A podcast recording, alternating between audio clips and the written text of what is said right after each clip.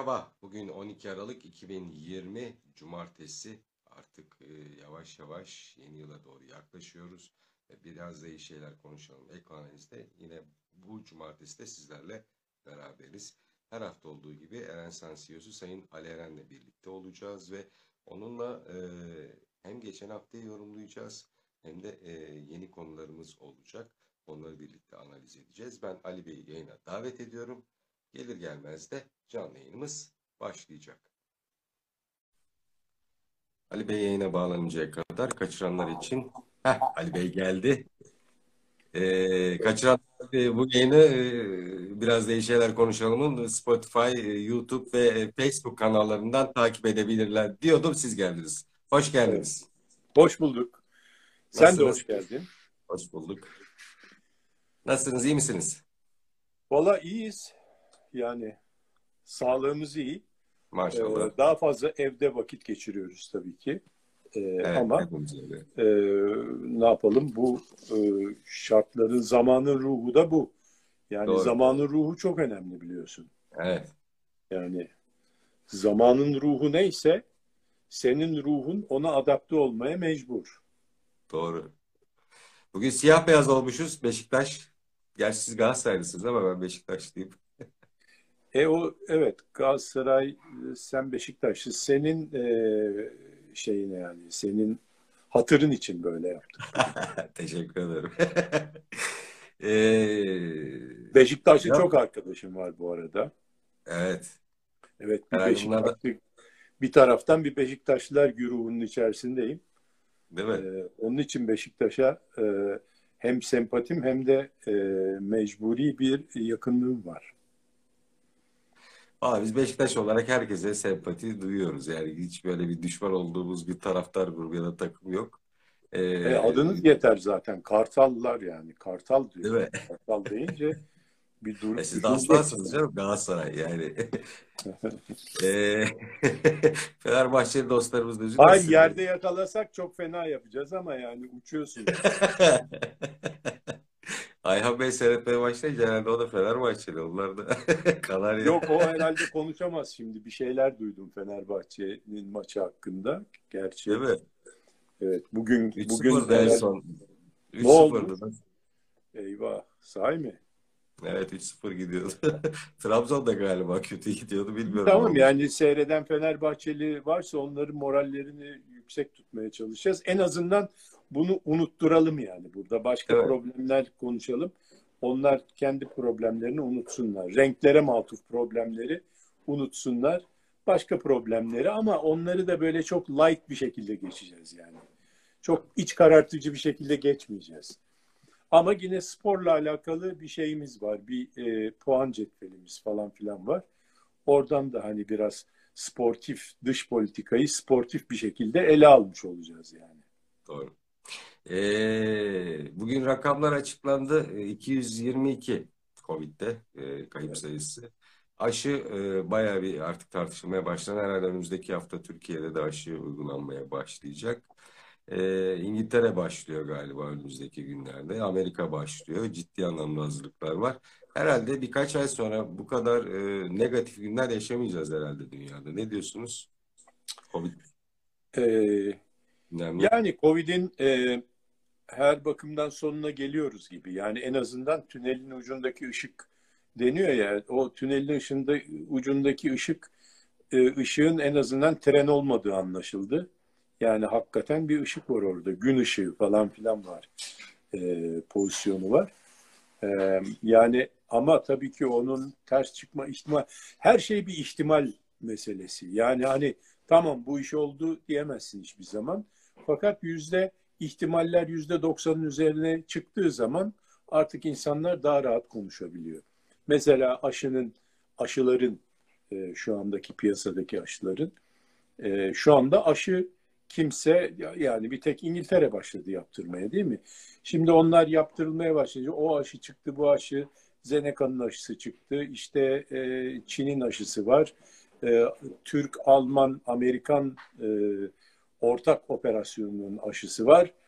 Ondan sonra e, Rus aşısı var. Diğerleri de çıkacak. Hatta yerli aşımızın çıkması bile söz konusu. Dolayısıyla öyle görünüyor ki yani bugünden baktığın zaman Nisan ayında falan hangisini acaba yaptırsam veyahut da sağlam olsun diye iki tane birden mi vurdursam falan filan diye mevzularımız olacak yani. Dolayısıyla ileriye baktığımız zaman ışığı görünce şu andaki problemlerimizi unutuyor olmamız lazım. Çünkü umut her şeyin e, ilacıdır. E, ve bu ilaç da şu anda bir e, artık e, koca karı ilacı olmaktan çıktı. Hakiki, reel bir ilaç olma e, e, e, şeysinde, inandırıcılığında en azından.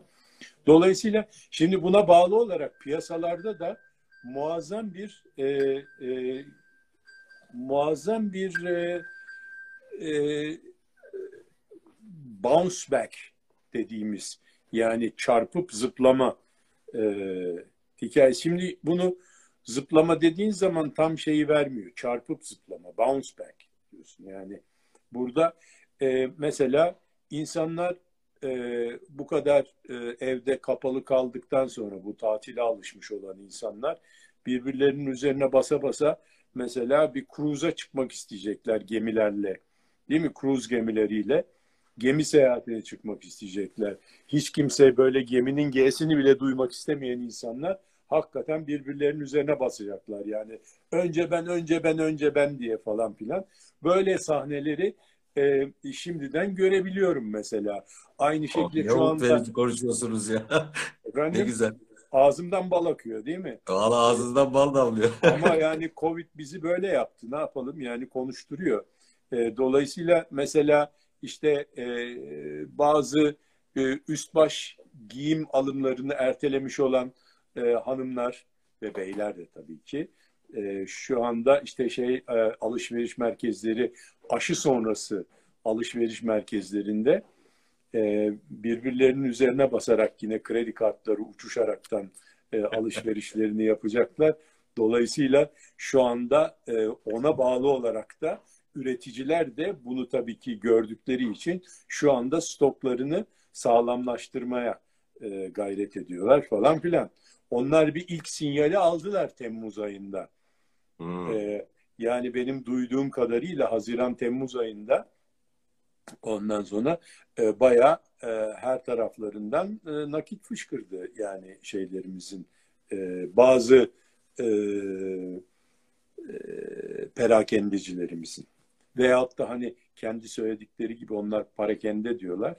Perakende diye alışmış. Yani perakendecilerin parakende devesi çok enteresan değil mi? evet, evet. Para kende. Yani para kendimde gibi bir şey oluyor galiba. Para, para bende demek istiyor. Para bende.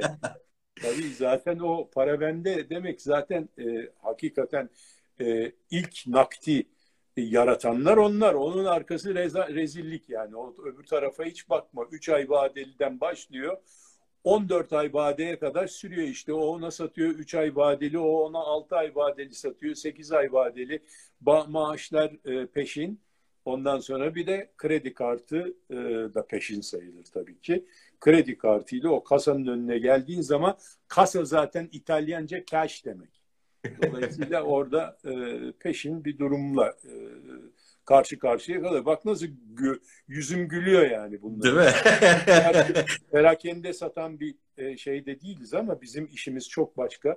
Bizimki Vallahi, B2B ama bizim, bizimki de, de peşine takılabilir. Yani hareket daima bereket herkese faydası var. Doğru. Biz veresiye satan olduğumuz için öyle peşin satan gibi de gerçi herkes beni peşin satan gibi duruyorsun diyor ama biz de veresiye satıyoruz. Sen peşin satan gibi ben veresiye satan böyle. Şimdi onu yapalım mesela. Bak sen peşin satan. Veresiye tamam, satan böyledir ya. Yani eskiden ben şöyle işte veresiye, satan, sen peşin satan. Bak aradaki farkı görüyorsunuz. O zaman bir tane pro almam lazım. Yani. Hatırlıyorsunuz değil mi o resmi? Çocukluğumuzda bütün dükkanlarda. O hatırlıyorum ama o pro içmez. O zaman pro yoktu. Sigara mı? Bir şey içiyordu yani böyle bacak bacak üstüne. O bir bütün içiyordu yani. Sigara içiyordu evet. Tekel. Şimdi, büyük ihtimalle yeni de sigarası. Büyük ihtimal. E, şimdi güzel bir tablo çizdiniz ve moral de verdiniz. Yani var. Program. Gelincik, o zaman gelincik, gelincik yenice birinci evet. vardı. En alt gelir grubundakiler birinci, ikinci, üçüncü içerdi. Samsun içenler e, şeydi yani burjuva Samsun içerdi. Talebeler birinci içerdi. Valla babamı hatırlıyorum şey içerdi. e, Samsun sigarası içerdi. Uzun Samsun Samsun. tabii. Burjuva. Sen Burjuva'dan geliyorsun. Bir de şey böyle ahbapları vardı silahlı kuvvetlerde. Ona bazen birer ikişer karton silahlı kuvvetler sigarası getiriyor falan. çok doğru. Çok doğru. Silahlı kuvvetler Bir de. İzmir'de ben İzmirli olduğum için İzmir'de fuar döneminde bir de fuar sigarası çıkartırlardı yani o döneme has. Böyle bütün İzmirliler fuar sigarası içerdi o dönemde. Evet, evet. Sipahi falan vardı Sipahi sipahi. falan. Evet. Ee, şey e, güzel tablolardan sonra güzel girdik konuya. Şimdi Merkez Bankası'na getireceğim. Yani e, Merkez Bankası önümüzdeki günlerde yani 20'sinde 25'inde 24'ünde miydi? Tam hatırlayamadım şu an 24. tarihi. 24'ünde e, yeni faiz kararını açıklayacak. Ya sabit tutacak ya da arttıracak ya da eksiltecek bilmiyoruz.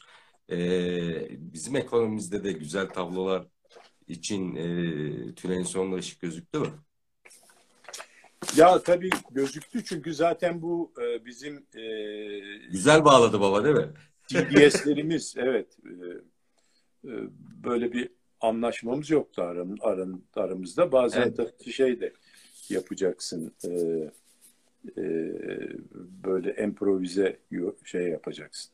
Şimdi bu e, tabii ki e, bundan bir ay öncesine göre çok daha farklı bir yerdeyiz ama dediğim gibi malın kalitesi henüz düzelmedi. Malın kalitesinin düzelmesi yani malın kalitesinin düzeleceği emareleri üzerine bu rakamlar var. Yani kurlar daha düşük falan filan. E, e, malın kalitesinin düzeldiğini de gösteren birazcık hani piyasanın ne istediğini yapan yani ortodoks e, metotlar deniyor buna. Ortodoks metotlar yani e, deniz kuvvetleridir dedik ya e, Merkez Bankası. Merkez Bankası işte bütün dünya piyasalarını, dünya denizlerinde e, e, bir yol alan, oralardaki bütün limanları tanıyan, e, derler ki her limanda bir sevgilisi olan falan da derler. Tabii ki öyle şeyler de vardır. Ama e, hakikaten bütün dünya denizlerini tanıyan, oralardaki limanları bilen insanlardır. Yani bizim Merkez Bankamız da o dünyanın içerisinde tekrar o dünyadan elini eteğine çekmiş bir durumdayken şimdi o dünyaya açılmaya başladı. O dünyadan kabul görmeye başladı. Çünkü zaten e, e, bu dünyanın sisteminin içerisinde entegre olmazsan hiçbir şey değilsin. Bak çok net söylüyorum. İstersen Allame-i Cihan ol, istersen dünyanın en iyi muazzam üretim sistem tesislerine sahip ol. Fabrikaların falan dağ taş teknoloji götürsün. Tamam mı? Hiçbir şey olamazsın. Çünkü o piyasalara entegre olmak suretiyle dünya dönüyor. Bunu e, çok net bir şekilde Ahmet Söylemezoğlu'nun kitabında da kitap tanıtacağız ya. Ahmet Evet. Söylemezoğlu'nun kitabı Küresel Ekonomi Düzeni. Bu küresel ekonomi düzeni dediğimiz şey küresel kurumların özellikle İkinci Dünya Savaşı'ndan sonra kurulmuş olan e, kü- küresel kurumların parayı, ticareti, insanların dolaşımını ve e, sermayenin dolaşımını düzenleyen uluslararası düzenlemelerle bu düzenlemeleri e, tatbik eden, e, onları denetleyen ve gözetleyen kurumlar vasıtasıyla oluyor. Dolayısıyla yani Big Brother is watching you. Büyük abi seni seyrediyor ve denetliyor. Ve sen büyük abiye sormadan hiçbir şey yapamıyorsun. Yani şuradan şuraya ben kazan satacağım desem mutlaka o konuyla ilgili 100 tane regülasyon buluyorsun.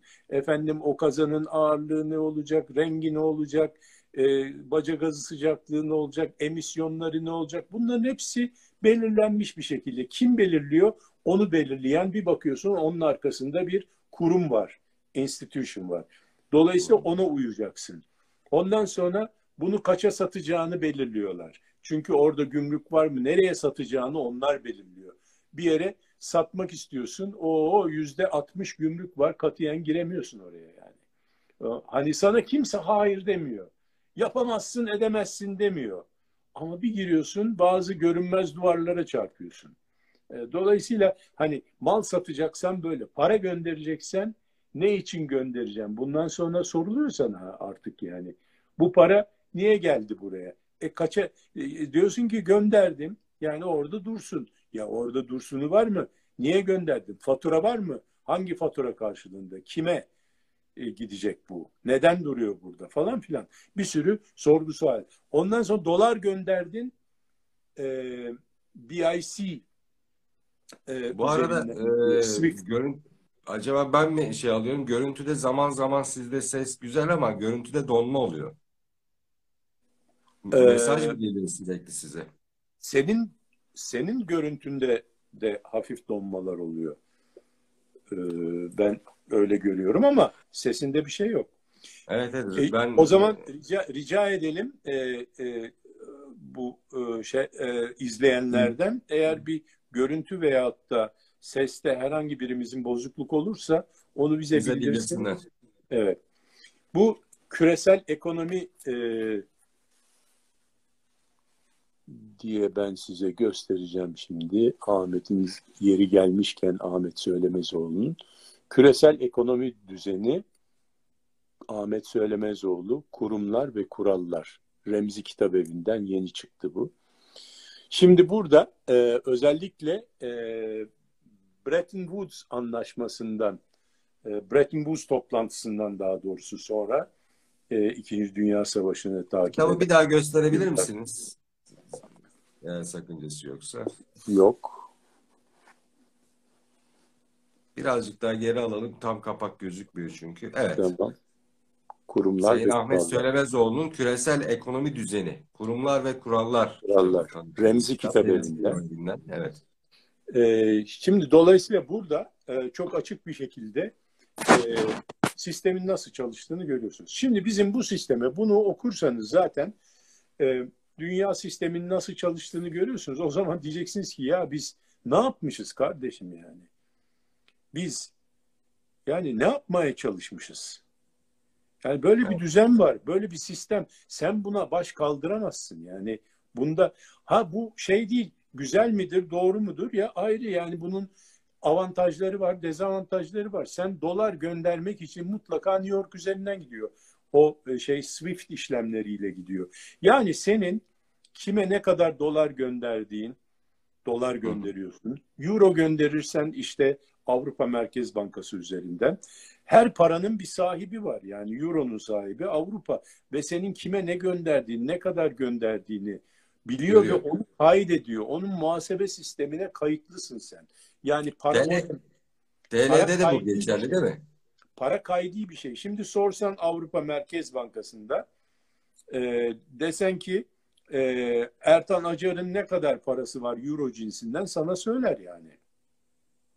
Anlatabiliyor muyum? Çünkü bütün Euro transaksiyonların o Euro e, e, sistemi üzerinden, fon transfer sistemi üzerinden yapılmış falan filan. Şimdi bütün bunlar varken bunlara uyacağız. Başka çaremiz yok çünkü. Hani uyalım çok iyidir bu. Harika yapmışlar. Bak ne güzel buna uymak çok iyidir demiyorum. Yani uymazsan yaşayamazsın diyorum. Bu kadar basit. Yani kimse zannetmesin ki ben bunu çok e, acayip dört dörtlük, yüzde yüz e, adil, ondan sonra e, kimsenin e, hakkını kimseye geçirmeyen böyle e, mükemmel bir e, sistem olduğunu söylemiyorum. Fakat şunu söylüyorum. Bu sisteme göre hareket etmezsen hiçbir şey yapamazsın yani burada bunu bilelim. Ne olursan ol. Şimdi dolayısıyla bu sisteme entegre olduğunu e, deklarasyonunu verdi. Fakat burada çok büyük bir e, projektörlerin ışıklarının altında şu anda Türkiye Cumhuriyeti Merkez Bankası. Ne yapacak? Hakikaten öyle mi? Yani bizim hani tahmin ettiğimiz gibi mi? Değil mi? Artık konuşa, konuşulanlar bitti, söz bitti. Şimdi artık aksiyon başlıyor. Hı. Bu aksiyon neyi gerektiriyor? Bir defa şunu bizim açımızdan şunu gerektiriyor. Dünya piyasaları ne bekliyor Türkiye'den? Yatırım yapabilir kalitede olmasını görmek için ne bekliyorlar? Enflasyonu kontrol altına almaya niyetlendi mi, niyetlenmedi mi? Bu niyeti ciddi mi, değil mi? Doğru. Bu niyetinin ciddi olduğunu göstermek için o döviz pozisyonlarının bozulmaya başladığını görmeleri lazım. Şimdi 230 geçen, milyar geçen bir açıklama vardı. Burada hemen sorayım o zaman. Yabancılarda döviz satışı başlamış, yerli yatırımcıda döviz alımı olduğu yolunda Merkez Bankası'nın bir açıklaması vardı geçen. Doğru. 230 milyar dolarlık dövizin bozdurulmaya başlandığını görmemiz lazım. Hı. Onu onun başlaması için de insanların 230 milyar.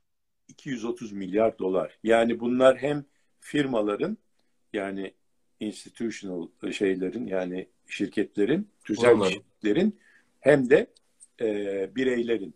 Şimdi bunun bozulmaya başlaması için de reel faiz alıyor olması lazım. Yani ben niye dolarda tutayım kardeşim orada yüzde 18 faiz verirse ben onu çözebilirim yani. Ama yüzde 14 vermeye devam ederse çözmem. Hmm. Çünkü yüzde on dört benim enflasyonum zaten belli oldu çıktı. Yüzde on dört. E şimdi yılı kaçla kapayacağız? Bana göre geçen sefer sen bana sordun. Ben de 16 dedim. En aşağı 16 dedim. Bu nereden yükseliyor enflasyon? Bu kur geçişkenliğinden yükseliyor. Yani kurun yüksek olmasıyla girdi fiyatları artıyor ve bu da fiyat artışlarına sebep sebebiyet veriyor. Dolayısıyla biz bir an ev, bir an evvel bu zinciri kırmamız lazım. Yani bu kuru düşürüp tamam mı? Yani bunun tek formülü var.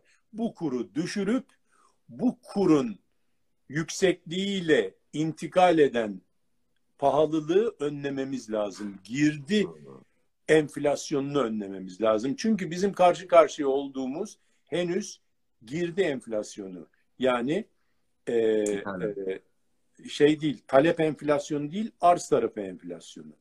İthalat. Cost push.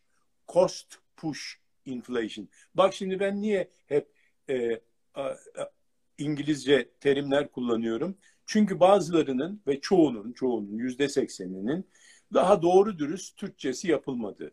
Tamam mı? Onun için. Yani Doğru. ve bir şey ifade etmiyor hakikaten. Yani bir şey bir kelimenin söylendiği zaman bir şey ifade etmesi lazım sana hemen. Ama bu Evet. etmiyor. Mesela cost push enflasyon dediğin zaman e, maliyet itmeli. Öbürüne de demand push de, pull deniyor. Yani talep çekmeli.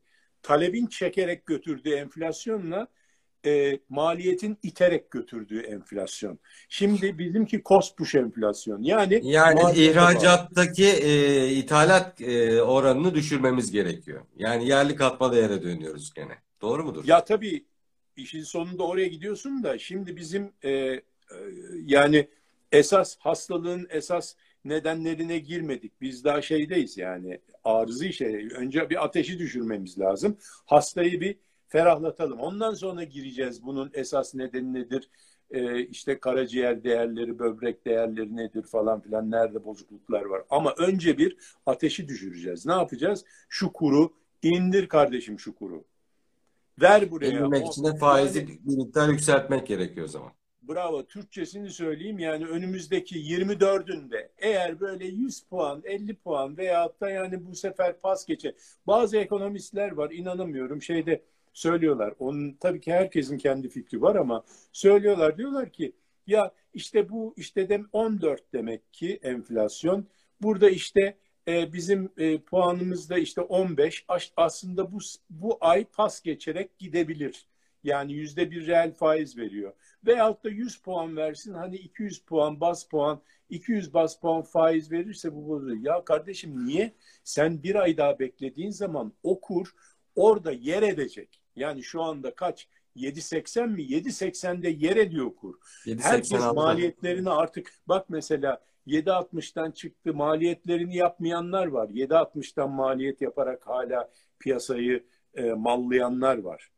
Mallayan, fonlayan var diyorlar ya e, parasal olarak. Ben de ticari olarak da mallayanlar var diyorum. Mal verenler. O maliyetlerle veriyorlar. Dolayısıyla onları kaçırmadan tamam mı şu kurların e, baskısını aşağı indireceğiz bir defa. Ne olacak sen 3 ay yüksek faiz vermiş ol. Ba- başkasına vermiyorsun ki kendi vatandaşına veriyorsun yani. Ama ne Biz bunu yapıyorsun?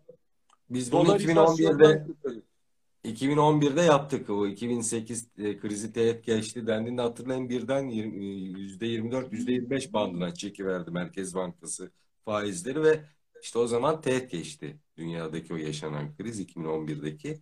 Ee, Yani iki- yap- 2011'deki tam olarak öyle olmadı. Şimdi oraya girersek detay çünkü o zaman bizde bir enflasyon zaten hedeflemesi vardı. Merkez Bankası'nın çok etkili ve zaten e, öteden beri gelen bir enflasyon düşürme e, e, e, programının e, devamı vardı, sürekliliği vardı ve enflasyonumuz ve faizlerimiz de düşüyordu devamlı. Bu düşerken biz aslında faiz yükseltmek du- durumunda kalmadık. Çünkü dünyada faizler o kadar hızlı düştü ki bizim faizlerimiz yüksek kaldı ve Evet. biz düşürerek faiz düşürerek enflasyonu düşürmüş olduk. Yani hem faiz düşürdük hem enflasyon düştü bir süre boyunca.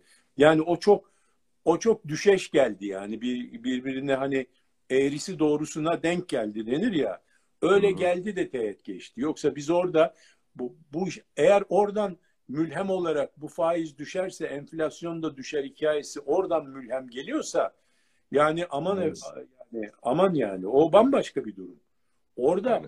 dünyadaki faizler yüzde beşlerden sekizlerden gel ge- aşağı aşağıya geldi yüzde birlere falan doğru bir iniş yaptı yani böyle e, e, şey yaptı böyle serbest düşüş free fall yaptı yani gravitasyonla dünyanın et çekim kuvvetine kapıldı ve düştü falan filan o zaman pat diye bizim düşmeyen faizimiz bile yukarıda kaldı dolayısıyla onunla baskılamaya devam etmiş olduk Valla enflasyonu. geçen Hem de geçen aynı durumda aynı durumda e, sermaye girişi de devam etti, büyümeyi de devam ettirdik yani.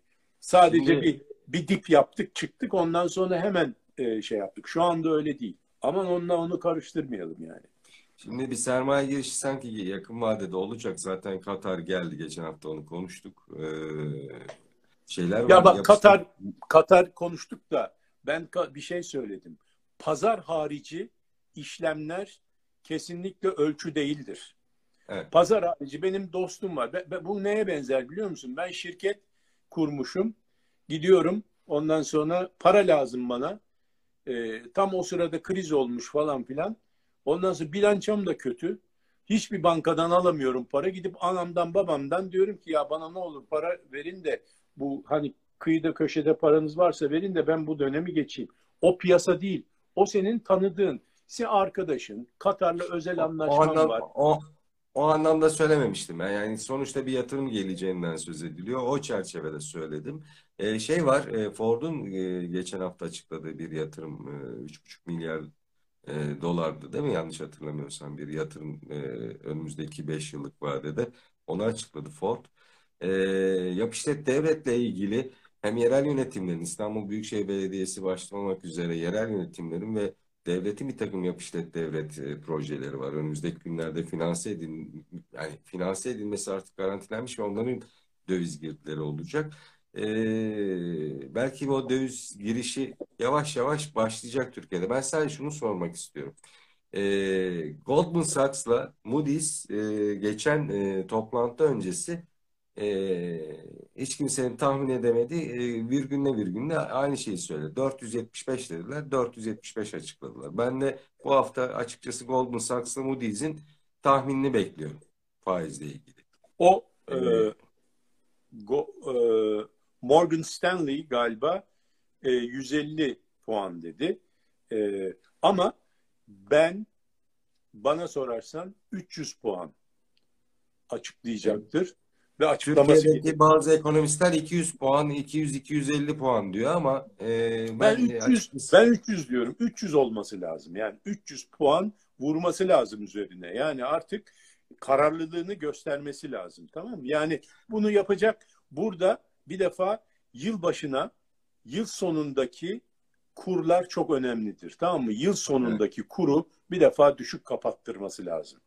evet. Yani piyasalara şu mesajı verecek. Yani e, e, yıl başındakiyle yıl sonundaki ara arada ne oldu? Bir şeyler oldu, çıktı, gitti falan filan, volatilite bilmem ne, CDS'lerimiz uçtu, bilmem ne oldu ama yıl sonunda şöyle kapattı ve ondan sonra da öyle gitmesi için kur baskı altına almak zorunda. Yani CDS bunu, demişken bunu bekliyorum. 400, 400 sınırına yaklaşmışız. Ne diyorsunuz CDS'lerde? Tehlikeli. Geçti onun altına değindik. 300 küsürlerdeyiz.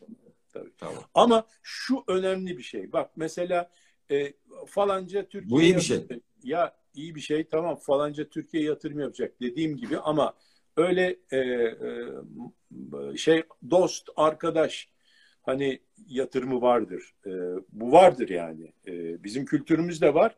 Şeyde de var. Anglo-Sakson kültüründe de var. Yani bu şeyin e, dost bir arkadaş. Friends and Relatives investment derler. Mesela birisi bir şirket kurduğu zaman özellikle bu unicornlarda falan filan önce ilk e, e, yani e, gelecek vaat eden bir e, şeyse, inovatif bir e, yatırımsa ilk önce e, friends and relatives derler. Yani arkadaş ve akrabalardan bir fon alınır. İkinci e, ikinci circle'da, ikinci dairede e, dışarı çıkarlar. Biraz özel e, yatırımlar e, diğer hani profesyonel kuruluşlarda. Ondan sonra halka açma falan filan diye gider. Yani Doğru. dolayısıyla bu vardır. Ama bu Türkiye'nin şu anda Türkiye'ye hakikaten mesela Erensan'daki benim ortağım Atlantik grubu gelip de bana hadi yatırım yapalım Türkiye'de işte e, e, tevsi yatırımı yapalım, modernizasyon yapalım diye e, cebine parasını koyup geldiği zaman ben anlarım Türkiye'ye o zaman e, şey geldiğini. Anlatabiliyor muyum? Veyahut da bambaşka birisi bana gelip de e, biz şu mevzu, mevzuda yatırım yapmak istiyoruz ne dersin Türkiye'de derse o zaman anlarım yani ama böyle bir şey yoksa ben e, hep aynı adamlara gidiyorum yok efendim e, şeye gidiyorum hep bildiğim adamları ya gel bana yapsana Katar Katar'a gidiyorum işte swap yapıyorum. Katar'a gidiyorum yatırım yapıyorum. Katar'a gidiyorum arsa satıyorum. Katar'a gidiyorum tank fabrikası. Katar'a gidiyorum yok efendim e, işte borsamı satayım falan. Yani ne abi Katar yani e, tamam güzel olmamasından daha evla ama e, yani piyasanın e, dünya piyasalarının Türkiye'ye atfettiği güven konusunda bir ölçü değil. Onu söylüyorum. Doğru. Şimdi e, 250 300 puan diyorsunuz siz en az. E, benim tahminim de e, 350 puan civarında. E, bakalım e, doğru çıkacak mı? Şimdi şeye getirmek istiyorum konuyu. Yaptırımlar. Şimdi Avrupa Birliği yaptırım yapacak mı yapmayacak mı diye e, tartıştık tartıştık. Yaptırım kararı çıkmadı. E, Amerikan Meclisi'nde de bir e, Temsilciler Meclisi'nin e, bir e, Türkiye'ye yaptırım e, önerisi e, Amerikan Senatosu'nda kabul edildi. E, Trump imzalamayacağım diyor ama e, gider ayak Biden'ın e, eline de bir e, şey bırakacak. E, saatli bomba bırakacak Türkiye ile ilgili. E, Rusya takip ediyor konuyu sessiz ve derinden. Hatta şeye bile ses çıkartmadı bence. Azerbaycan'da biliyorsunuz onur konu olarak Cumhurbaşkanımız davet edildi ve e, arka bahçesinde Türkiye'nin bu, bu gövde gösterisine bile e, Rusya sessiz kaldı ki e, özellikle batılı yayınlar bunu Rusya e, Batı'nın e, Türkiye'ye karşı tavır alışını keyifle izliyor şeklinde yorumladılar. Ne diyorsunuz bu yaptırımlar? Avrupa Birliği'nden girelim sonra Amerika, Trump ve Biden oraları bir konuşalım. Valla şimdi bu e, önce ne yapıl ne yapılıyor onu bir e, tekrar tarif edelim ki e, mesela Katsa bu iki tane A var orada. Caatsa başındaki de C. Evet. Çok net bir şey. Amerikan Senatosu'ndan geçen tasarının adı. Evet. Hayır ama net. Net bir ismi var onun. Countering American Adversaries Through Sanctions Act. Bak. E, Amerika'nın hasımlarını hı hı yaptırım e, yoluyla karşı koymak. Amerika'nın hasımlarına yaptırımlar yoluyla karşı koymak yasası. Yani yasanın içeriğini artık okumana gerek yok. Yani bu o kadar net ve açık yazılmış. Katsa nedir dersen hasımlarıma diyor. Amerika'nın düşmanlarına diyor yani. Hasım ne demek? Düşman demek. Yani belki düşmanın bir tık aşağısı. Tamam mı? Hasım. Ön, hasım e, işte rakip, hasım, düşman diye gidiyor artarak. Şimdi o konuya girmeden deminki konuyla ilgili bir soru, soru geldi. Sanırım izleyicimizin ismi Timur Ok. Ee, diyor ki beyefendi e, yurt dışı yatırımlar için yurt dışından Türkiye'ye gelecek yatırımlardan kastediyor. Merkez Bankası'nın e, müdahaleleri yeterli olacak mı? Türkiye'nin yapısal reformlar yapmasına gerek var mı? Ya da yok mu diye soruyor. Gerekmiyor mu diye soruyor. Tabii yani çok e, doğru bir soru. E, bunu biz geçen programda cevaplamıştık ve daha önceki programlarda da zaten yapısal tedbirlere girmiştik. Yapısal e, e, alınması gereken tedbirler neler? Yapılması gereken çok şeyler var yapısal. Mesela bir tanesi bunların ihraç edilen yerli katma değerin artırılması. Çünkü yapısal hastalıklarımızdan bir tanesi yani cari açık hastalığı. Cari açık hastalığının e, yani kesin tedavisinin uygulanması lazım. Şimdi bizim uyguladığımız şu anda şu anda da söyledim ateş düşürme. Yani hastalığımız var. Bu bir enfeksiyondan kaynaklanıyor. Ama ateş düşürücü verdiğim zaman o enfeksiyonu tedavi eden bir şey değil. Onun için antibiyotik vereceğim. Belki de antibiyotikle e, orayı yatıştırdıktan sonra belki ameliyat edeceğim. E, e, hasta olan kısmı alacağım. Yani bunlar yapısal tedbirler böyle tedbirler ve bunlar böyle hemen iki tane hap yutup alınacak tedbirler değil. Yani bizim şu anda Merkez Bankası zaten Merkez Bankası hiçbir zaman yapısal tedbir almaz. Merkez Bankası yapısal tedbirlerin yeri değildir genelde yani. O parayla ilgili dünya piyasalarıyla para alışverişlerini işte Türkiye'nin ne kadar para basacağını şu bu şey yapar. Yani onlar nominal şeyler. Bir nominal e, e, tedbirli tedbirler var, aksiyonlar var daha doğrusu. Bir de reel aksiyonlar var. Yapısal tedbirler reel aksiyonlardır. Yani kanunlarda yapılacak değişiklikler.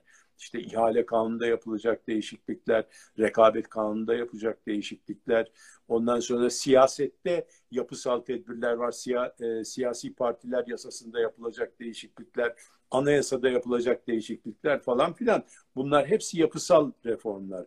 Ondan fakat günlük bizim ateşi düşürmek, kuru düşürmek, normal seviyelere getirmek, enflasyonumuzu düşürmek falan bunlar yapısal tedbir değil. Bunlar ateşi düşürmek, tansiyonu normal, vitalleri dediği doktorların hani e, yaşam belirtilerini, tansiyonu normale indirmek, şekeri normale indirmek, ondan sonra işte e, solunumunu düzenlemek, e, ateşini düşürmek. Bunun gibi hadiseler. Bunlar daha oralara gelmedik.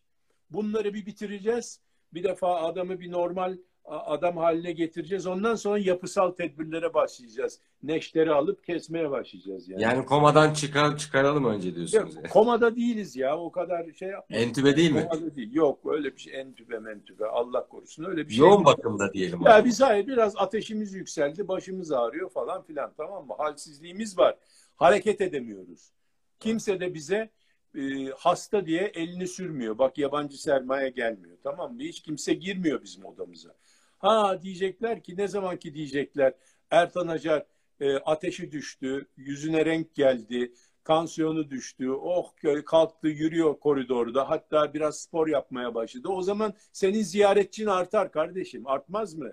Yoksa Doğru. o durumda kimse ziyarete gelmez sana hastanede. Hele Covid sen hiç gelmez. Şimdi halbuki böyle bir yüzüne renk geldi, telefonlar çalışıyor, işte renk geldi, bugün çok güzel yemek yedi, akşama Adana kebabı isterim dedi falan filan. Bunları duydu mu millet sana ziyarete gelir, kolonyasını kapan gelir değil mi?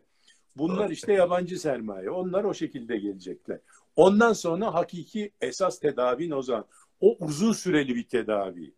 Bir defa evet. rezervlerini, rezervlerini bir defa dolduracaksın. O boşalan rezervler var ya, tam takır kuru bakır orayı doldurmak lazım bir daha. Güçlü görüneceksin. Bankaya evet. da para koyacaksın yani anlatabiliyor muyum? Yani şey bu şirket e, iyileşti. Güzel satışları falan arttı. Bankaya da para koydu. Aa, şimdi hadise çok farklı oldu. Bankada da parası o. Çünkü sen sen ne iş yapmaya gelen öyle yani ya selamun aleyküm aleyküm selam sizde efendim kazan var mı diye gelmiyor. Önce bir şöyle bir bankaları bir soruşturuyor araştırıyor falan. Ondan sonra diyor ki bunun, bunların diyor bu şirket iyi midir? Borçlarını öder mi? Çeklerini öder mi? Parası var mı? Aa diyorlar bankalar ya bizde bayağı bir şeysi var yani parası var. Çeklerini de bir gün bile aksatmaz öder. O zaman tamam geliyor o zaman karşına oturuyor tamam mı? Yani bu artık evet. her şey dünya finansal sistemi içerisinde entegre olan Türkiye'nin finansal sistemi de bu verilere sahip. Doğru. Peki e, Katsa'ya geri dönelim. Tamam Katsa, şimdi artık her herkes biliyor. Herhangi bir tele, televizyon kanalını aç oradan şey yapıyorlar. Ben sadece ismini söylediğin zaman ne olduğu zaten belli. Countering American Adversaries Through Sanctions Act. Amerika'nın düşmanlarına e, yaptırım uygulamak suretiyle karşı koyma kanunu demiş. Demek Şimdi biz burada bir soru soracağım. Biz, Çok önemli bir, bir soru. düşmanız şu anda. Ha, onu mu? Onu Anlatabiliyorum. Yani bu kadar hasım, hasım. Yani adversary. Bize e, şey e, enemy demiyor daha. Enemy bir sonra enemy diyecek. Savaş artık enemy. Biz bir öncesi adversary diyor. Oradaki A adversary. Tamam. Şimdi bu İran'a ve bize uygulanıyor. Yani, yani bizim e, en önemli müttefik e, ülkemizde. Efendim?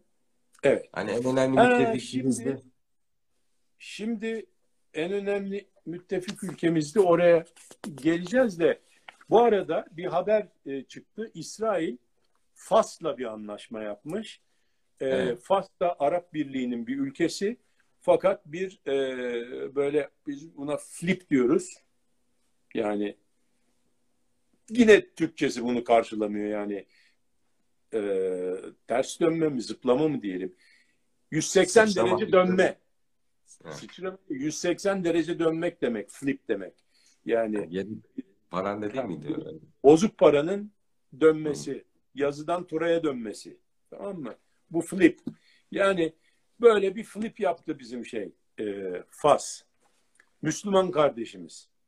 Bu birden, bütün, bütün Müslüman kardeşlerimiz yaptı ama bu aralar yani. İsrail evet burada bu aralar çok hızlı gidiyor bu işler. Şimdi e, e, tamam güzel bizim yani yani insanlar barışsın, öpüşsün, koklaşsın. Buna bizim diyecek bir şeyimiz yok yani e, ona yani kıskanmıyoruz da. Yani biz kıskanmayız bunlara hepsine. Biz daha seviniriz böyle olaylara. Fakat bu tabii ki böyle hani birden ya biz kardeşim ya şu İsrail'le bu kadar senedir böyle itişip kakışıyoruz yok şey yapıyoruz falan. Ya bırakalım bunları ya artık yani yani öpüş öpüşüp koklaşalım ya hayat kısa ya falan filan diye bir şey olmadı herhalde. Bir baktık bunun arkasında başka bir hadise var. Morokko'nun çok duygusal bence arkasındaki evet, hadise. Yani tabii duygusal e, duygusal e, şeyleri de var, tesirleri de var da e, netice her şey duygusallaşıyor bir anda bir noktada. Bir Hollywood filmi gibi yani. Ama mesela bu bir bakıyorsun ya Morokko'nun ne problemi var? Morokko'nun bir tane Morokko kadar büyük aşağı yukarı batıda bir e, güneyinde bir problemi var. Ona da Batı Sahra problemi deniyor. Şimdi hemen bir harita üzerinde bakalım Morokko nerede? Yani bir yerde bir şey olduğu zaman hani hep diyorum ya ilk önce bir haritaya bakacaksın. Tamam mı? Evet. Haritaya bakınca bir defa orada zaten anlıyorsun. Bak burası burası Fas. Şurası. Evet. Şurası da aşağıda şu kesik çizgiyle görülmüş görülen yerde Batı Sahara denen bölge. Burası Morokko'ya hem ait hem değil gibi. Yani buranın üzerinde Morokko'nun egemenliği yok. Hmm. Şimdi egemenliğin olmayan bir yer ya, şeyinde ama e, başkasının da egemenliği yok. Burada bir e, Polisario Front diye bir e, isyanlar var, gerillalar var. İşte veyahut da sen de bir e, siyasi parti var de e, öyle bir şey. Şimdi Fas çok önemli bir yer. Çok önemli bir ülke. Çünkü bakın hem Akdeniz'e kıyıları var ve hem de üstelik Cebeli Tarık dünyanın en stratejik yerlerinden bir tanesi. Evet. O kadar stratejik ki karşısında tam Cebeli Tarık'ın Gibraltar diye İngiliz toprağı da var. İspanya'nın Evet. içerisinde açılmış.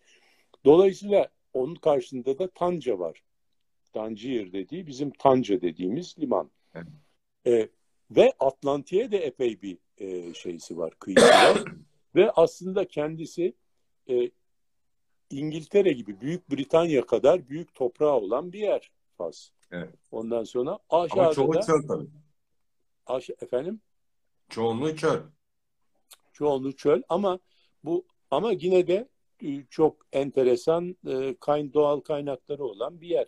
En azından balıkçılık var bu kadar sahilde muazzam balıkçılık yapıyor yapılıyor. Şimdi bu e, Sahara dediği Western Sahara yani Batı Sahara dediği yer e, bir ihtilaf konusu ve Amerika buna teminat verdi. Dedi ki ben senin o ihtilafını çözeceğim.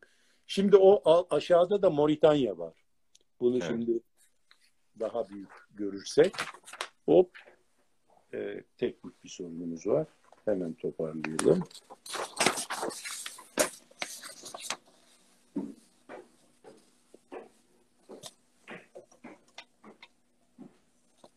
Şimdi burada daha büyük bir şekilde görünüyor. Western Sahara dediğimiz yer aşağı yukarı Fas'ın büyüklüğüne yakın büyüklüğü olan bir yer. Güneyde de Moritanya. Moritanya ile problemi yok. Oradaki e, oradaki gerillalar veyahut da isyankar gruplar e, Moritanya ile bir barış anlaşması yapmış.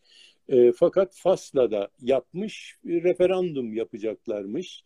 E, fakat 91'den beri bu referandum bir türlü yapılamıyor. Herkes kendi adamını koymaya çalışıyor. Ne kadarlık bir yer dersen de yani orada toplam e, 750 bin kişi nüfus var yani toplam e, bakarsan.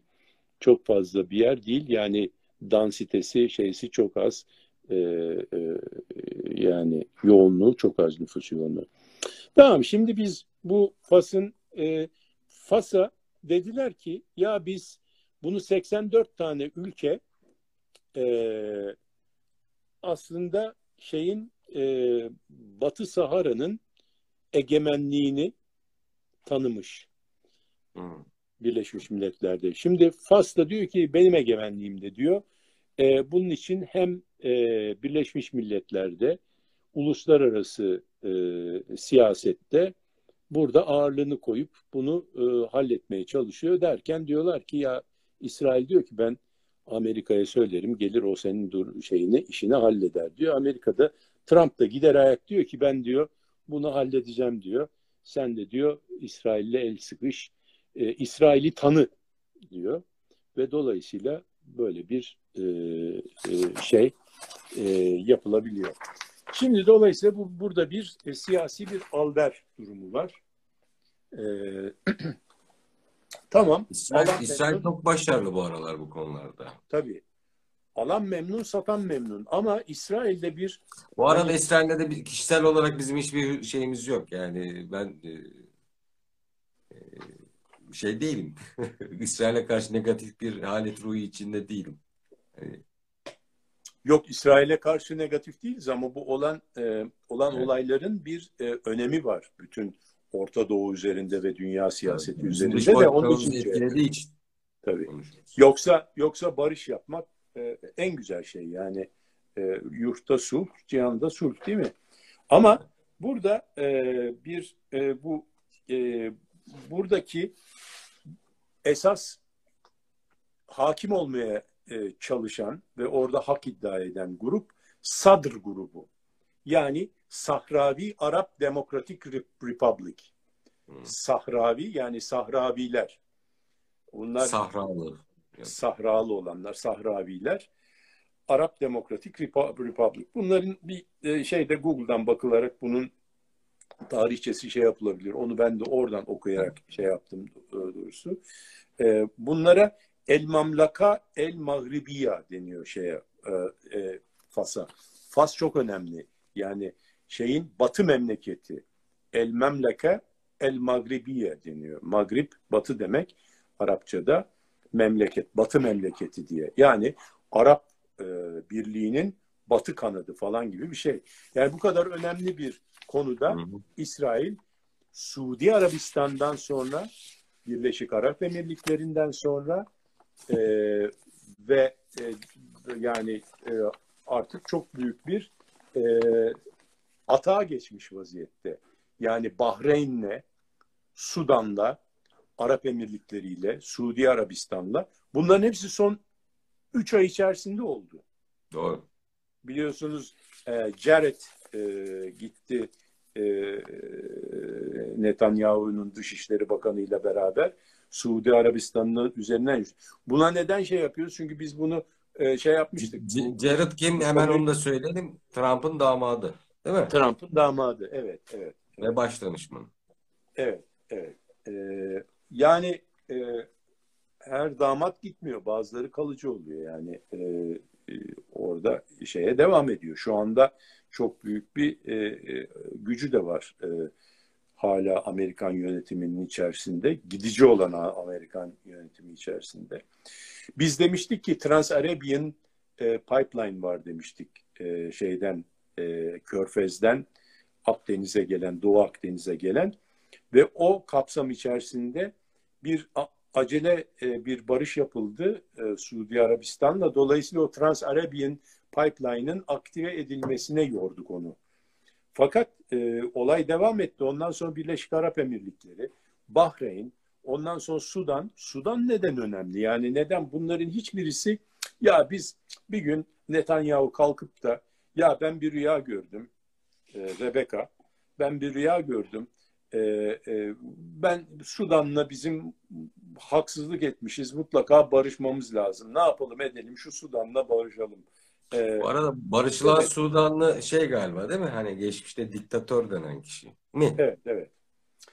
Neyse Sudan da tabii ki Kızıldeniz'de bir e, belki Çin'den gelen gemilerin geçerek Süveyş'e gireceği yolu kontrol eden bir yer. O yollar açılıyor şimdi bir şekilde. Bu arada Türkiye olarak bizim de orada üssümüz var biliyorsunuz.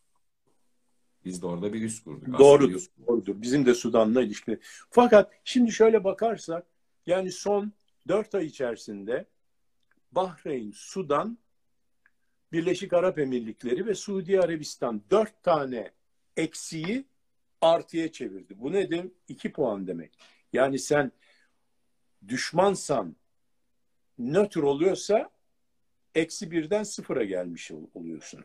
Değil mi? Bu arada ben seyircilerimize açıklayayım. Yani Ali Bey şeyden söz ediyor. Yani uluslararası ilişkilerle ilgili bir endeks hazırladı. Ee, şimdi İsrail'in e, endeks performansını, uluslararası ilişkilerdeki endeks performansını Ya şimdi gel, filmin sonunu söylüyorsun. Bu sefer kapatacaklar yani.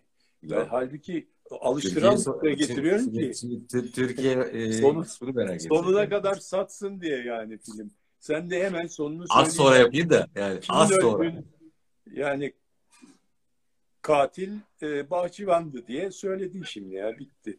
Neyse şimdi oraya gelmek istediğimiz yer o. Skor borduna bakacak olursak şeyin İsrail'in son dört ay içerisinde eksi birden sıfır, şeye getirirsen nötr hale getirirsen düşmanı sıfır yapmış olursun.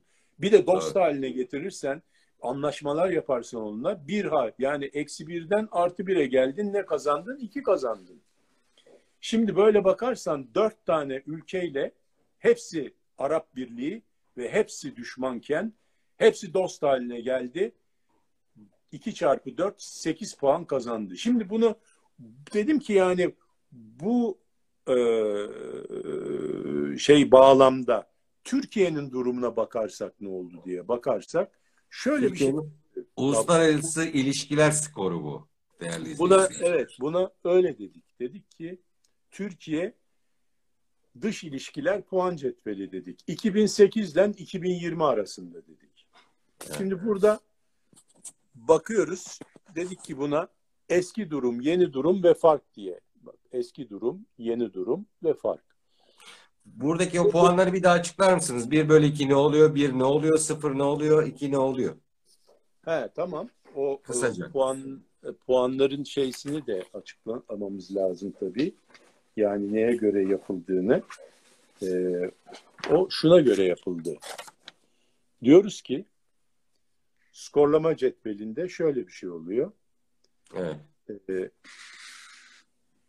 Türkiye dış ilişkiler puan tablosunda artı iki ise kayıtsız şartsız dost demek. Yani ne yaparsan yap Birleşmiş Milletler'de senin lehine el kaldıracak olan adamın senin.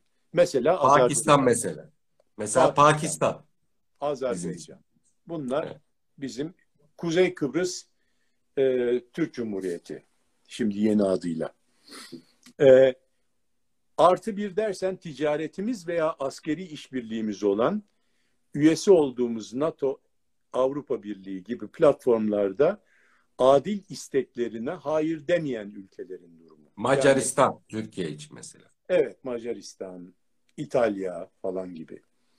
Ondan sonra artı yarım dedim. Şu askeri, siyasi veya ticari durumlarından bir tanesi iyi, bir tanesi kötü durumda olan ülke. Yani askeri olarak hani iyiyiz, alışverişimiz var ama ticari ticaretimiz pek gelişmemiş falan. Sıfır, ne dost ne düşman, nötr veya ilişkilerimiz çok girifte olmayan veyahut da e, reaktif olan bir ülke. E, Yeni Zelanda mesela. İnaktif olan bir ülke. Evet mesela Yeni Zelanda bravo. Çok güzel. E, veyahut da e, ne bileyim işte Güney Afrika Cumhuriyeti falan mesela. Eksi bir uluslararası platformlarda ve e, ikili ilişkilerde anlaşamadığımız, ihtilaflarımız olduğu ve ticaretimiz olmayan ülkeye eksi bir dedik. Kuzey Kıbrıs Rum Cumhuriyeti mesela. Mesela. Evet, Güney Kıbrıs Rum Cumhuriyeti. Cumhuriyeti. Yunanistan. Yunanistan, Yunanistan e, değil yani Yunanistan biraz daha ileri. Eksi Güney Kıbrıs. De, eksi iki de az da olsa savaş tehlikesi olan ülke. Yunanistan. Yani savaş tehlikemiz varsa ona eksi iki diyoruz. Şimdi buna göre skorladığımız zaman şöyle bir baktım. Şöyle bir baktım. Burada e, işte Yunanistan eksi yarımdı 2008'de. Çünkü neden eksi yarımdı? O zamanlar yüksek düzeyli e, e, işbirliği konseyi e, kurulmuştu ve 2016 yılına kadar bunlar istikşafi görüşmeler yaparak 54 tane anlaşma imzaladılar. Yani hakikaten eksi bir değil artık eksi yarıma gelmişti ve ilişkiler çok iyiydi. Şu anda savaş durumuna kadar geldik eksi iki. Aradaki fark bir buçuk, eksi bir buçuk. İsrail artı birken daha bu one minute'den önceydi. Şu anda eksi bir buçuk durumundayız. Savaş durumunda değiliz ama onun bir tık altı. Neden bu? Çünkü e, savaş durumda değiliz ama bu PKK-PYD hadisesini destekliyor İsrail. Yani bizim tam e, bizim savaş ettiğimiz bir birisiyle işbirliği yapıyor. İran sıfırdı yani hani e, şeyimiz değildi ama çok sevişmiyorduk ama ticaretimiz vardı. Yeni durumda ticaretimiz de yok. Eksi yani hani düşman değiliz ama ticaretimiz sıfırlandı. Şimdi yeni konulan e, şeylerle, yaptırımlarla hiç ticaretimiz yok. Suriye artı birdi. Yani beraber pikniğe gitme durumundan. Ondan sonra e, eksi ikiye geldik. Savaş halindeyiz. Ondan sonra Irak sıfırdı. Orada da Dışişleri Bakanlığı'nın e, sitesinden aldım. Yıl yıl durumlarımızı göstermiş. Ona göre e, 2008'de sıfır verirsek şu anda artı yarım gibi görünüyor. Çünkü en azından ticaretimiz var. Merkeze yönelik bir siyaset. Daha önceki e, işte yerel siyasete yönelik falan. Şimdi buna göre şey yaptım. Mesela buradan önemli vaktimiz şey yapıyor. Almanya Amerika, var mesela. Amerika Abi. Birleşik Devletleri artı birken şu anda eksi bir buçuk olmuş. Çünkü FETÖ'yü destekledi. Ona hadi eksi yani e, ona eksi e, Amerika'ya eksi iki buçuk vermişim. Çünkü FETÖ'yü destekledi. Ondan sonra e, e, şu anda savaş halindeyiz. Yani PKK, PYD'yi destekliyor falan filan. Mısır artı birden değil mi? Bak Mısır artı birden eksi bire gelmiş.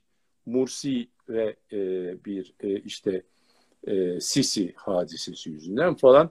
Fransa artı birden eksi bire gelmiş. Bunları topladığımız zaman eksi on beş ediyor. Toplam FF skoru diyorum buna. Friend or foe. Buna çok kullanılan yani bu çok sık kullanılan bir askeri ve siyasi terimdir. Friend or Evet. foe yani ar- arkadaş veyahut da düşman.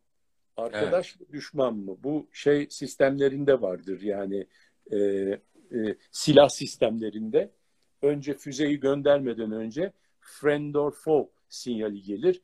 E, e, foe sinyali gelirse bu e, düşman diye o zaman füzeyi ateşlersin falan filan. İşte friend or foe şeysi eksi 15 skorumuz. Yani biz son 12 sene içerisinde eksi 15 bu ne demek? 15 tane ülkeyi kaybetmişiz ze denk gelen bir skor. oluyor. İsrail artı 8'de değil mi? Öyle mi? Hatta belki diğer ülkelere de katarsak daha fazla. Araplar seviyesinde artı 8. Hayır, İs- İsrail artı bir de ha, e, evet İsrail İsrail ise 4 ay içerisinde e, Artı Eksi- 8 daha ekledi.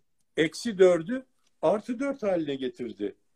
Yani eksi Evet. 4'ü artı 4 yaptı. Bu Arap e, ülkeleri nezdinde bir de yani Evet, diğer evet. dünya ülkelerini saymıyoruz bile. Diğer dü- dünya ülkelerindeki bir fazla değişiklik olmadı. Oraya hücum ediyor. Orada değiştirecek bir şey yok. Hollanda ile zaten artı bir. Evet. Artı bir. İngiltere ile zaten artı bir. Dolayısıyla böyle bir skor e, çıkarmış Şimdi olduk. Katsa'ya Vatan geri dönersek- Hayırlı olsun. Tabii ki bu Yeni yani bir- ve Yeni bir oldu. Beni bağlıyor bir tek. Yani bunu kimse çıkartmış değil. E, o, tabii ki tartışmaya da açık. Yani ya efendim ya aa bak Hollanda'ya artı bir ondan sonra sıfır vermişsin. Ya yani bunun yeri var mı? Hollanda işte e, artı yarım olması lazım. Tamam yani tartışılır şey yapılır ama yani bu artı bu yani metodolojiye göre bu eksi 15 olmaz eksi 13 olur.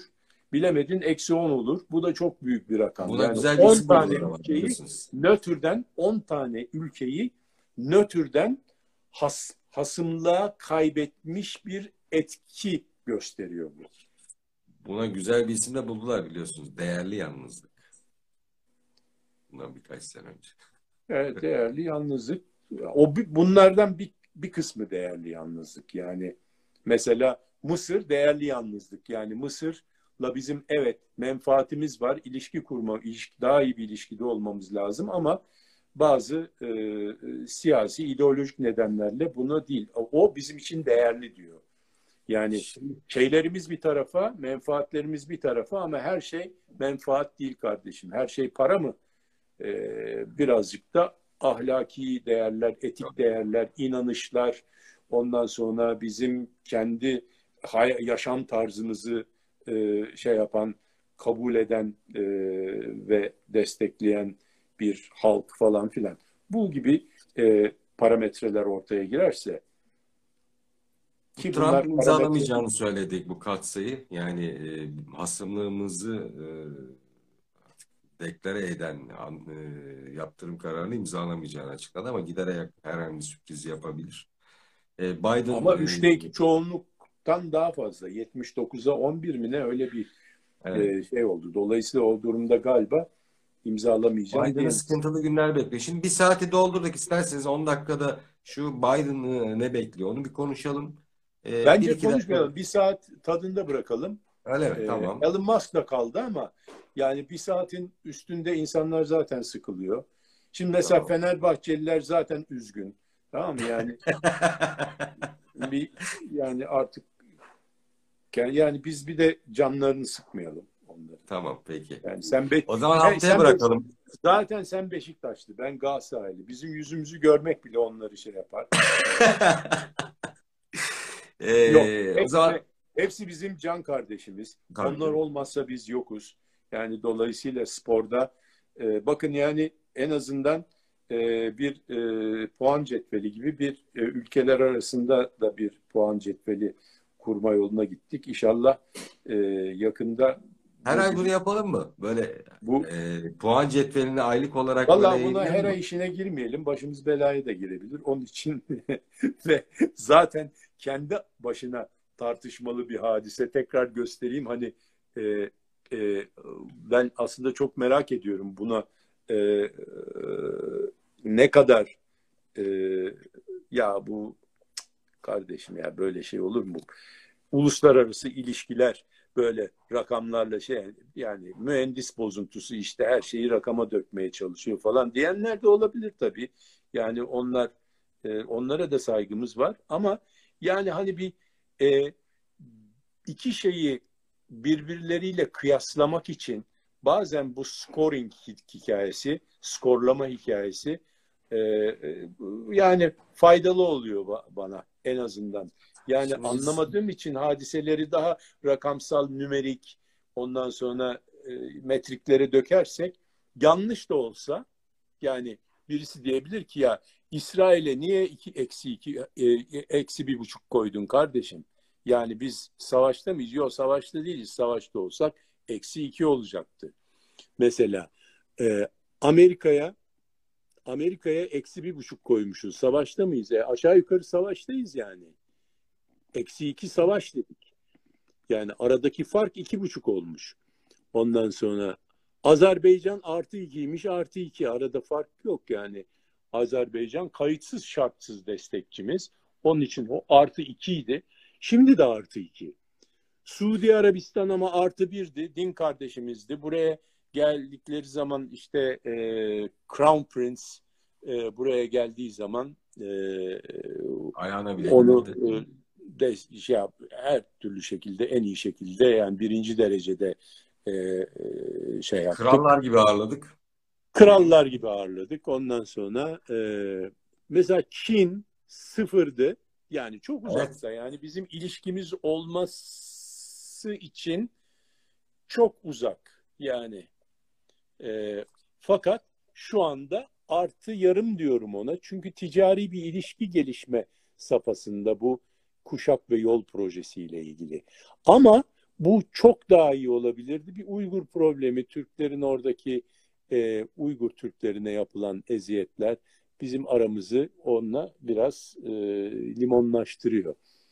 E, İtalya yani tipik bir e, nötr bir İtalyan e, e, e, dostluğu yani Akdeniz dostluğu fakat nötr çok fazla da böyle e, öpüşüp koklaşmadığımız yani hani burada e, şunu hatırlatalım e, e, Apo yakalandığında işte İtalya'ya gitti diye İtalyan mallarını falan almayın diye propagandalar olmuştu. Onlar falan ufak tefek iniş çıkışlar değil de yani İtalya daima sıfır.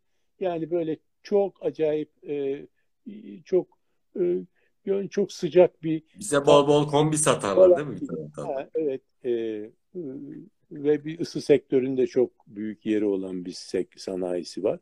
Ama şimdi dost. Çünkü neden? Biz Fransa ile biraz kapıştık. E, bu da İtalya'nın işine geliyor. Libya'da İtalya'nın bazı şeyleri var, e, menfaatleri var.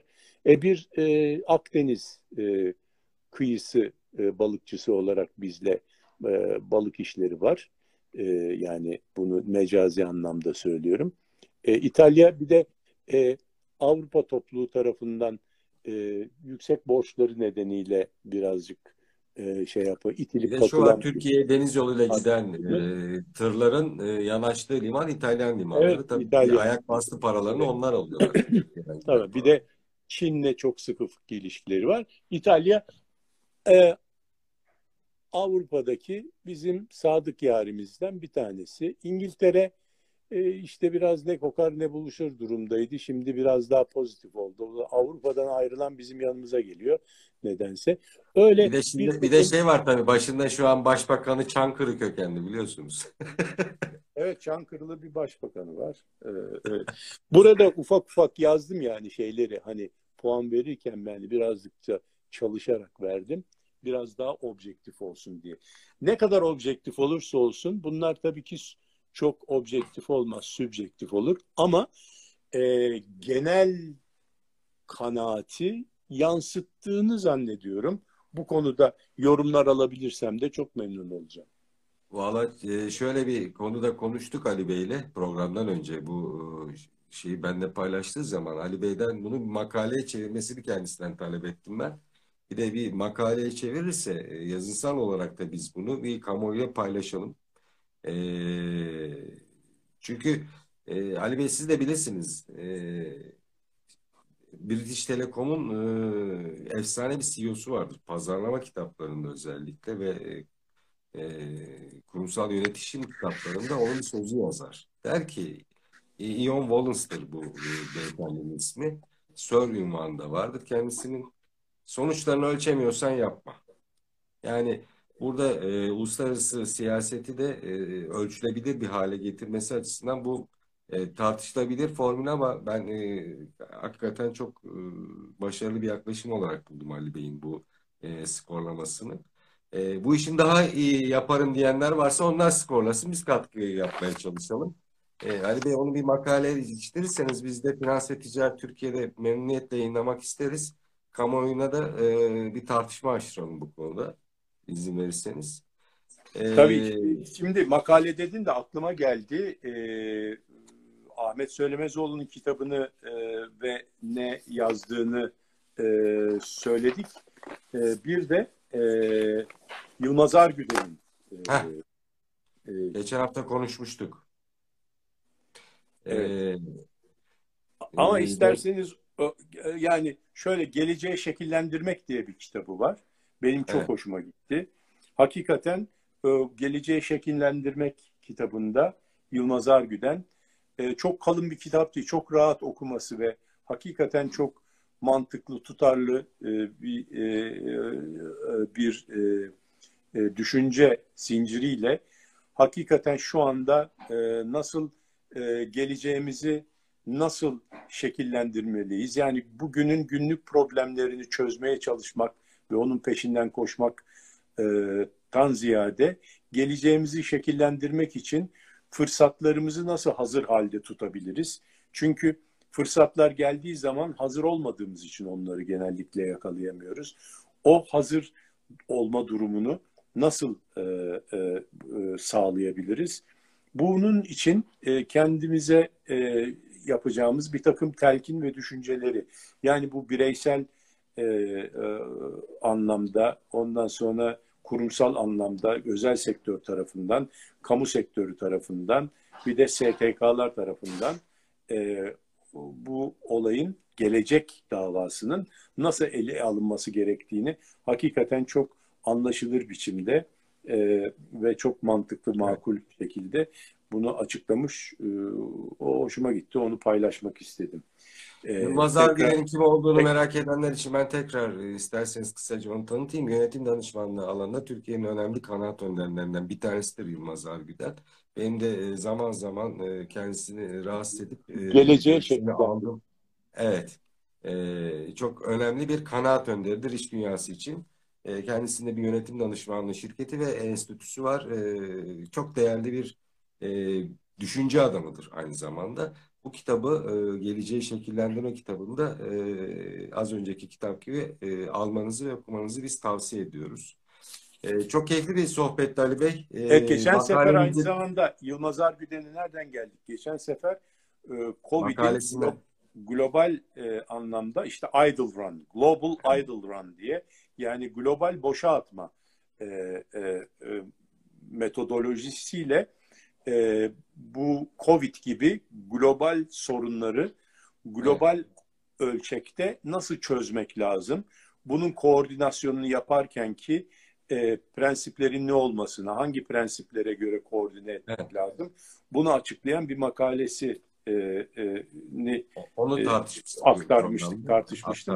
Oradan şeye geldi. Yine aynı benzer bir e, olayı da daha geniş bir çerçevede yani geleceğimizi şekillendirme evet. konusunda e, kendisi yazmış. Onu da e, okumaya e, değer bulduğum için ve çok güzel bir referans kitabı olarak e, tavsiye etmek istedim. Şeye giremedik ki izleyicilerimiz açısından. O konuda ben kısaca bir yorum yapayım ve programı kapatalım arzu ederseniz. Bu Avrupa Birliği yaptırım yapar mı yapmaz mı Mart'ta ertelendi konusu var. Ee, izleyicilerimize şu e, rakamları paylaşayım ben. Türkiye'de 90 bin ihracatçı firma var. Ee, bunların yaklaşık 27 bini yabancı sermayeli kuruluş, e, 22 binde Avrupa e, sermayeli kuruluş. E, Türkiye'deki büyük e, yani 1 milyon euro ve üzeri pardon 100 bin euro ve üzeri ya da dolar üzeri ihracat yapan firmalara baktığınızda yaklaşık 30-35 bin seviyesinde. Bunun yine 22 bini Avrupa Birliği sermayeli. Dolayısıyla e, Avrupa e, Türkiye'ye e, zaman zaman e, Yunanistan'ın veya Fransa'nın e, ya da e, Türkiye ile o dönemde husumet yaşayan e, ülkelerin e, önermeleriyle ya da gazıyla birazcık e, şey yapmaya çalışıyor olabilir ama Avrupa sermayesi Türkiye'deki e, durumun bozulmasına izin vermez. Dolayısıyla e, yaptırım falan çıkmaz demiştim. Evet şu an Dışişleri Bakanları'nın toplantısında bir şey çıkmadı. Liderlerin toplantısında bir şey çıkmadı. Mart ayına ertelendi. Oradan da ciddi bir şey çıkacağını ben şahsen kendi adıma söyleyeyim düşünmüyorum. E, Biden dönemini gelecek hafta tekrar e, Ali Bey de uygun görürse alırız, ele alırız. Çünkü ciddi anlamda bugün e, Amerikan Yüksek Mahkemesi'nde karar açıklandı biliyorsunuz basından takip etmişsinizdir. E, Trump'ın seçimlerini iptal kararını reddetti. Dolayısıyla e, Biden ciddi sorun yumaklarını ele alacak. Bunlardan bir tanesi de Türkiye meselesi olacak. İşte bu e, az önce konuştuğumuz yasa tasarısı biz e, Amerikan hasmı mı olacağız, olmayacağız mı? Buna Biden karar verecek. E, Biden da küreselleşme ve NATO vurgusu yapıyor. NATO'da da büyük aktörlerden biri olduğumuz için de herhalde e, Biden e, birazcık bu yasa tasarılarını da görmezden gelecektir diyorum. E, kaçıranlar programın devamını biraz da iyi şeyler konuşalım YouTube kanalından ya da dinlemek istiyorsanız Spotify'dan ya da Facebook sayfasından tekrarını izleyebilir ve e, veda etmek için sözü Ali Bey'e bırakıyorum ben. Güzel bir hafta sonu diliyorum. Ee, evde yapılacak çok şey var. Ee, önümüzdeki haftada mümkün mertebe minimum çıkın. Bu zinciri kırmamız lazım. Hatta ben e, daha önce de söyledim. Bir 10 günlük toplam lockdown'dan e, yanayım. Yani toplam kapatma. E, bu emin olsunlar. Bütün bütün hakikaten ticaret e, erbabı olan arkadaşlarım da için de bu daha hayırlı olacaktır. Yani şu son gider ayak şu Covid'e yakalanmayalım arkadaşlar. Yani gider ayak artık bunun şeysiz e, bitti suyu ısındı da gidiyor da yani gider ayak şimdi yakalanmanın hiç alemi yok. Yani çok üzücü şeyler oluyor duyuyoruz. E, arkadaşlarımız, dostlarımız, akrabalarımız, kayıplarımız var. Yani onun için lütfen bir 10 gün daha feda edelim ne olur. Yani e, bu zinciri kıralım. E, bunu şöyle güzelce poposuna bir tekmeyle gönderelim bu adamı artık diyorum. Hepinize iyi haftalar. İyi haftalar. Ağzınıza sağlık. Görüşmek dileğiyle Ali Bey. Seyircilerimize de teşekkür ediyoruz bizi izledikleri için.